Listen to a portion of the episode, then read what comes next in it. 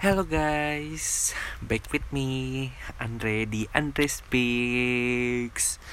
Dan di episode ke-25 ini ada sedikit hal yang berbeda yang ingin gue bahas uh, Mengenai ruang lingkup kerja sih sebenarnya. Dan uh, sering banget sekarang-sekarang ini yang Apa sih maksudnya uh, orang tuh banyak banget nyebut kata toxic gitu. Maksudnya toxic dalam artinya sih yang gue translate di Google Translate itu kan racun dan menurut gue di mana pun kita berada itu pasti selalu ada sih. Maksudnya kayak orang-orang yang negatif orang-orang yang memberikan dampak negatif ke kita ya itu pasti ada di mana aja gitu. Bukan dalam hubungan doang dalam hubungan berpacaran teman keluarga semuanya uh, bisa lah ya. Dan satu hal yang mungkin uh, kurang kita sadari bahkan gue pun baru menyadari malam ini kalau ternyata uh, sebagaimana gue sekarang sudah menjadi seorang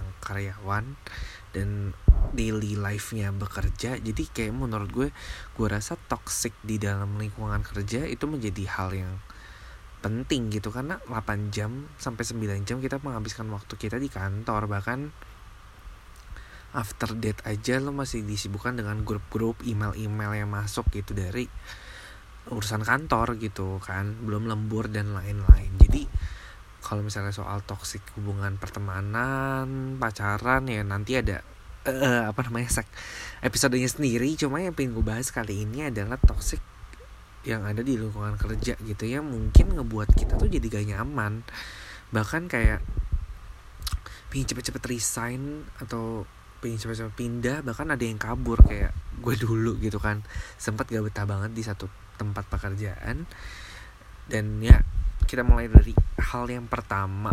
Kalau misalnya tanda-tanda kalau kayaknya kantor kita tuh toxic buat kita deh gitu kan. Dan ini gue baca dari internet sih. Jadi dan ini relate di kehidupan gue sebenarnya. Jadi yang pertama itu birokrasi yang berbelit-belit.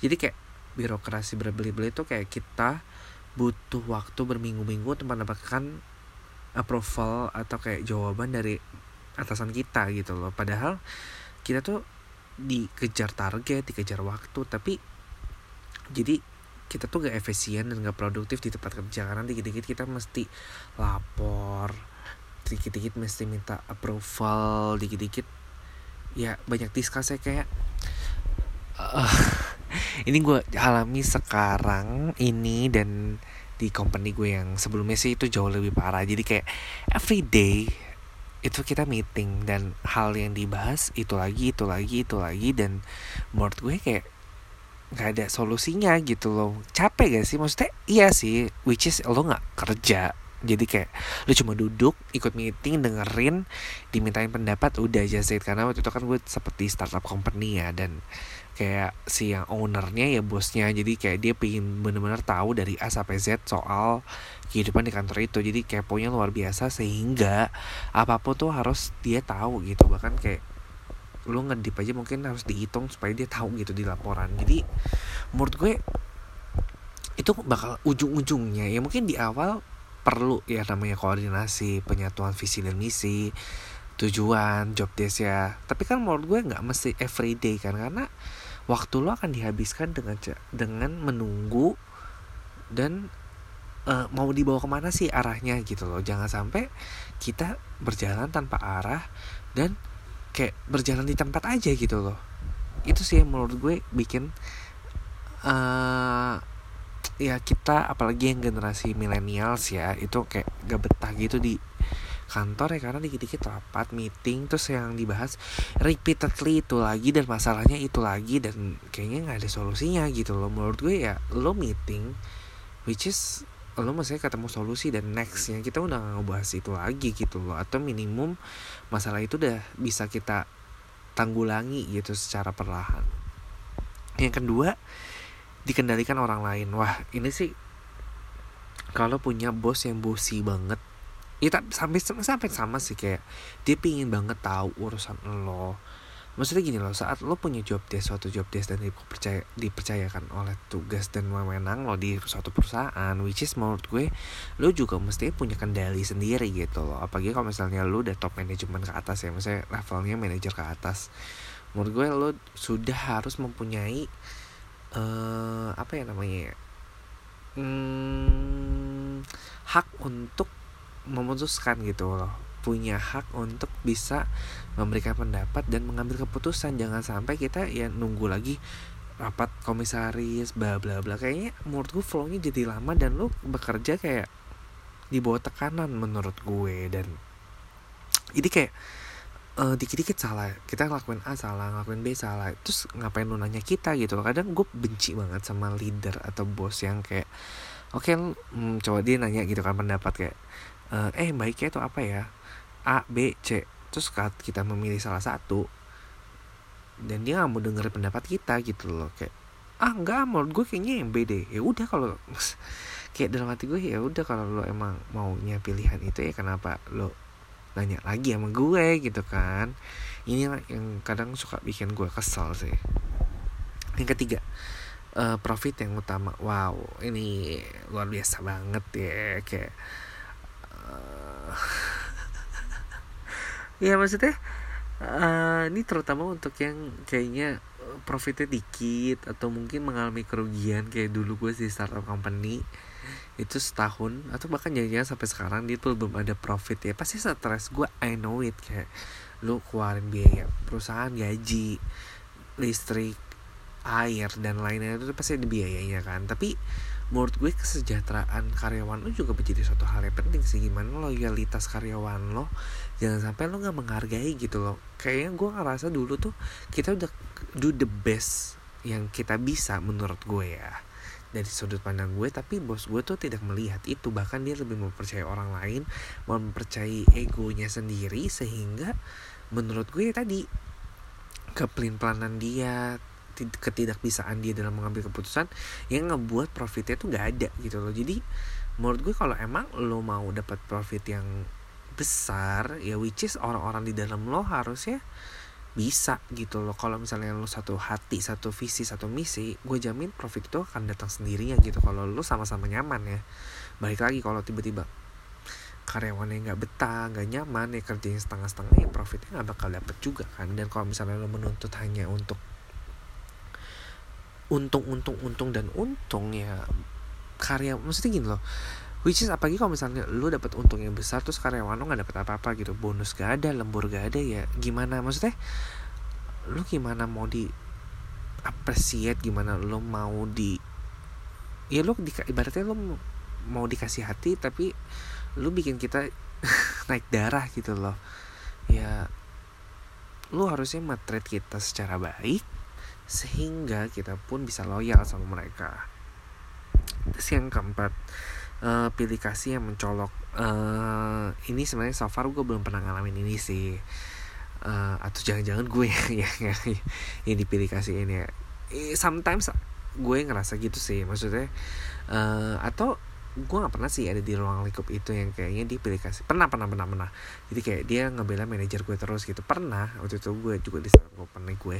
Dan ya itu ngebuat gue gak nyaman sih apalagi di saat posisinya kita yang benar dia yang salah tapi dia tetap dibela gitu kan. Atau mungkin entah ya banyak unsur pilih kasih. Mungkin karena dia punya rasa ini kalau beda gender ya tapi sesama gender juga sekarang bisa sih. Terus habis itu mungkin dari suku agama dan lain-lain. Karena banyak juga teman-teman gue yang mungkin dia bekerja di misalnya di agama dia agama minoritas sedangkan di situ mayoritasnya berlawanan sama dia. Jadi sehingga dia tuh didiskriminasi atau kayak tidak dianggap lah. Atau contoh hal simpel misalnya kayak pembagian THR pembagian bonus jatah libur kayaknya ada beberapa mungkin yang kayaknya oke okay nih uh, lebih gede di saat lebaran dibandingkan Natal. Nah itu kan bagi yang mungkin Kristen atau non Muslim ya itu kan menjadi satu hal yang concern ya bagi bagi mereka yang kok pilih kasih gitu kok yang muslim dapetnya ini bla bla ya something like that lah yang menurut gue mestinya nggak bisa tuh kayak gitu ya. Lo udah harus komit. Kalau emang misalnya lo ngerekrut dia dengan apa pun kondisi dia lo harus terima gitu. Jangan sampai dia udah masuk lu nyesel gitu milih dia dan ujung-ujungnya lo pilih kasih. Kan itu nggak lucu gitu loh. Kayak lo kesel lah pasti dan iri-irian. Bahkan kasihan di karyawannya juga gitu loh. Kayak nggak ada salah apa-apa tiba-tiba yang lain sirik sama dia gitu loh. Jadi nggak bisa dapet chemistry dan teamwork yang baik kan. Anjay. Ya udah. Lanjut. Yang kelima. Bekerja terus dan tidak santai. Ya sebenarnya emang di CV itu udah ada ya. Maksudnya bukan CV di lowongan pekerjaan. Kalimat di mana bekerja di bawah tekanan. But kalau gue karena baik apa background lagi lebay ya. Bukan background tapi karena emang gue tipikal orang yang tidak bisa bekerja di bawah bukan tidak bisa ya cuma gue nggak bisa tuh kerja yang kayak 8 jam udah gitu terus gue nggak bisa yang monoton terus nggak ketemu orang nggak ngomong nggak pekerjaan yang robot mungkin bisa ngerjain tapi ini human. Nah itu gue gak bisa. Ya kerjaan yang cuma repeatedly gak usah mikir gak usah discuss. Nah itu gue bukan gue banget gitu loh. Karena menurut karena gue emang kerjanya di dulu di media terus sekarang di marketing jadi kayak gue ngerasa bahwa saat lo bekerja otak lo dua kali lebih apa dua kali lebih cepat dan lebih keras ya. Maksudnya kayak sometimes kan berpikir kayak judulnya apa konten apa desainnya mau seperti apa bla bla itu kan kayak setiap case beda kan nah itu yang gue menurut gue itu cukup tertantang walaupun ada kesulitan sebenarnya. Cuma ya itu kayak lu jadi nggak berasa kerja gitu. Apalagi kalau tempat kerja lu yang kayaknya kok nggak nyaman ya. Sebenarnya jujur ya tempat kerja gue yang sekarang pun ya menurut gue biasa aja gitu. Bukan yang kayak tempat kerja di Sudirman yang milenials yang kayaknya tempat kerjanya santai bisa duduk-duduk tidak duduk gitu kan. Bisa makan sana sini ini biasa kantor ya makanya gue hibur dengan cara ya pekerjaan gue jangan sampai membosankan gue gitu dan ya di bawah santai. Maksudnya deadline tuh pasti ada. Cuma gimana lo time managementnya di bawah santainya seperti apa jangan sampai lo overload stres sendiri marah-marah sendiri otomatis lu bakal ngelakuin kesalahan dan ya udah gitu fatal akibatnya. Dan yang terakhir sih eh bukan masih 6 6 6, 6. hanya dikritik tidak ada pujian. Uh, wow iya. Ini sih ngeselin banget. Maksudnya kayak kita selalu dimarah-marahin dikritik sana sini kayak kerjaan kamu nggak benar A B C D. Tapi dia nggak juga tidak memberikan solusi bahkan tidak pernah memberikan pujian atau mengapresiasi pekerjaan kita yang menurut kita tuh udah terbaik gitu loh. Atau kayak kita udah ngejalanin sebisa kita hasilnya juga mungkin yang belum maksimal tapi kan at least lo mesti mengapresiasi dong kinerja kar karyawan lo gitu loh atau teman kerja lo. Jangan sampai lo salah nih ini ini, ini gitu. Kayak kayak judgmental banget. Sedangkan menurut gue dia pasti butuh sesuatu untuk ya setiap orang pasti pingin dipuji sih. Pasti. Even kayak cuma bilang thank you atau ngomong kayak ih great job good job bla bla bla kalimat basa basi tapi itu menurut gue selalu diapresiat sih. Kayak lo merasa bahwa oh ada yang notice loh sama pekerjaan gue jadi jangan cuma cari kesalahan tapi lo juga harus cari kebaikan dari pekerjaan orang lain. Itu ya gue percaya banget sih sama itu. Dan yang terakhir itu adalah pelecehan seksual fisik verbal mental bullying. Jadi kalau ada yang bilang uh, bullying itu cuma di sekolah no way. It's a big no no to that statement. Jadi kayak bullying itu bisa di mana aja gitu loh. Bahkan kayak misalnya ya tadi rasisme kayak Cina sendiri mungkin.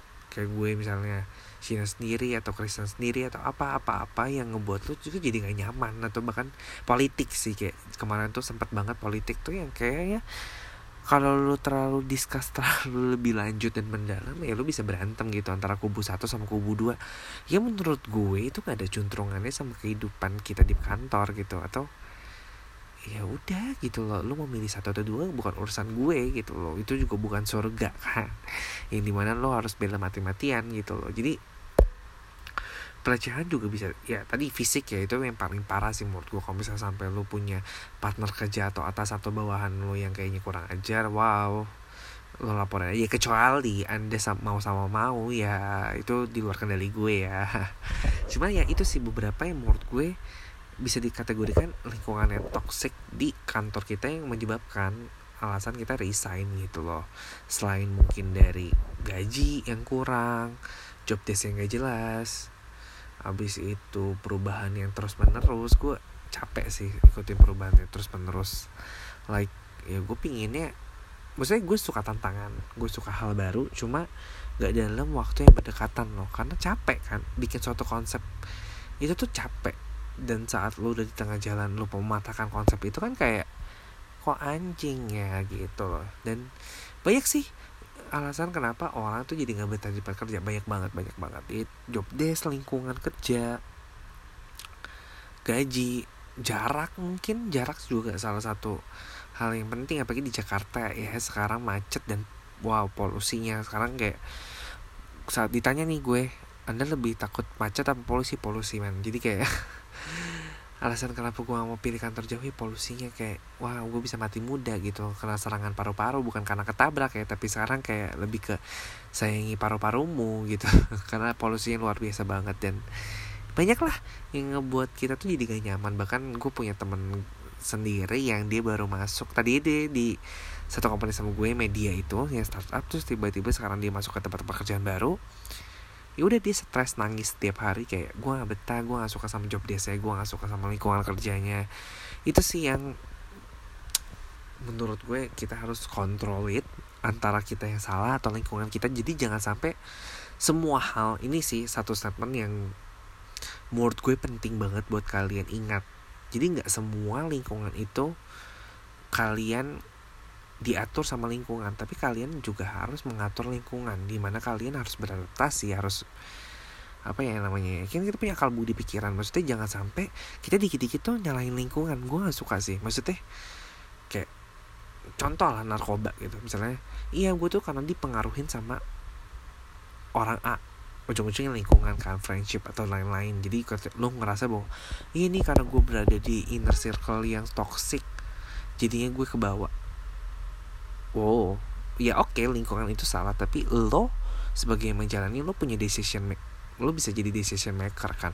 Maksud gue lo bisa mengambil keputusan lo sendiri gitu. Jadi jangan sampai saat ditanya kok lo nggak betah di tempat kerja? Jangan-jangan lo nya yang salah bukan lingkungannya gitu. Lingkungannya sih fan-fan aja. Nah ini yang menurut gue persepsi manusia atau orang-orang di luar sana jangan sampai salah kayak yang menganggap bahwa semua tuh salah lingkungan. Jadi lo ya udah gue ikut aja. Kalau gue nggak nggak suka sama lingkungannya ya udah gue give up. Nah itu juga salah sih. Karena gue juga pernah berada di lingkungan uh, toxic di pekerjaan. Nah itu menurut gue tapi salah gue sih. Tapi ada beberapa mungkin 50-50 lah ya. Karena uh, gue asal ini salahnya gue kenapa uh, waktu itu gue sempat masuk di situ karena uh, satu gue emang pingin cepet-cepet keluar dari kantor startup gue terus gue pingin coba di uh, pekerjaan yang sesuai dengan jurusan gue. Jadi makanya gue kayak oke okay, gue deal deh deal with it tanpa berpikir jangka panjangnya. Satu di mana itu finance accounting yang menurut gue emang pasti pekerjaannya bakal monoton. Tapi gue nggak bakal ekspektasi separah itu gitu loh. Terus yang kedua eh lingkungan kerjanya menurut gue juga agak kurang enak. Berbeda banget sama sebelumnya di mana tidak ada wifi. Terus habis itu teman-temannya juga aneh-aneh. Ya karena gue kali ya udah menutup diri jadi menurut gue mereka juga agak-agak freak gitu dan tidak terbuka sama gue. Terus gue juga tidak dia tidak dapat arahan yang jelas. Kayak jadi kayak menurut gue kok uh, apa ya namanya gue ngerasa bahwa di sini gue pun berada di lingkungan yang toksik di mana tidak ada team working yang bagus buat gue untuk berkembang di sana gitu. Sehingga gue nggak bisa cerita sama siapa-siapa gitu loh. Bahkan atasan gue hanya menyuruh gue A tapi tanpa menjelaskan gitu loh. Tanpa mengajari gue. Saat gue tanya ke teman-teman kerja gue yang lain mereka nggak jawab gitu. Atau bahkan malah ikut-ikutan kayak udah kerjain aja bla bla bla. Tapi tanpa memberikan solusi. Nah itu yang menurut gue toksiknya di situ sih. Tapi di saat di satu sisi gue ngerasa bahwa kok gue stupid banget. Uh, kok gue give up kok gue bisa nangis setiap hari cuma karena masalah itu. Itu menurut gue sih juga kesalahan di gue ya. Maksudnya lo berarti orangnya bukan pekerja keras gak bisa berjuang gitu loh. Bahkan gue kabur saat itu ya. Dan gue merasa bahwa saat ini gue merasa bahwa oke okay, kayaknya gue salah nih gitu loh. Kayaknya gue nggak bisa kayak gitu mestinya dan gue menyesali hal itu. Jadi jangan sampai sih kalian saat ada di suatu lingkungan atau pingin ke lingkungan baru menyalahi orang lain terus lingkungannya. Tapi kalian juga harus introspeksi sama diri kalian. Itu yang uh, poin dari gue sih. Jadi jangan gue sebel sama orang yang mengatakan toxic itu di environment doang. Tapi anda tidak berkaca kepada diri anda sendiri bahwa jangan-jangan anda sendiri yang menjadi racun di tubuh kalian di diri kalian. Oke okay deh. Thanks for listening my podcast. See you on next episode. Bye bye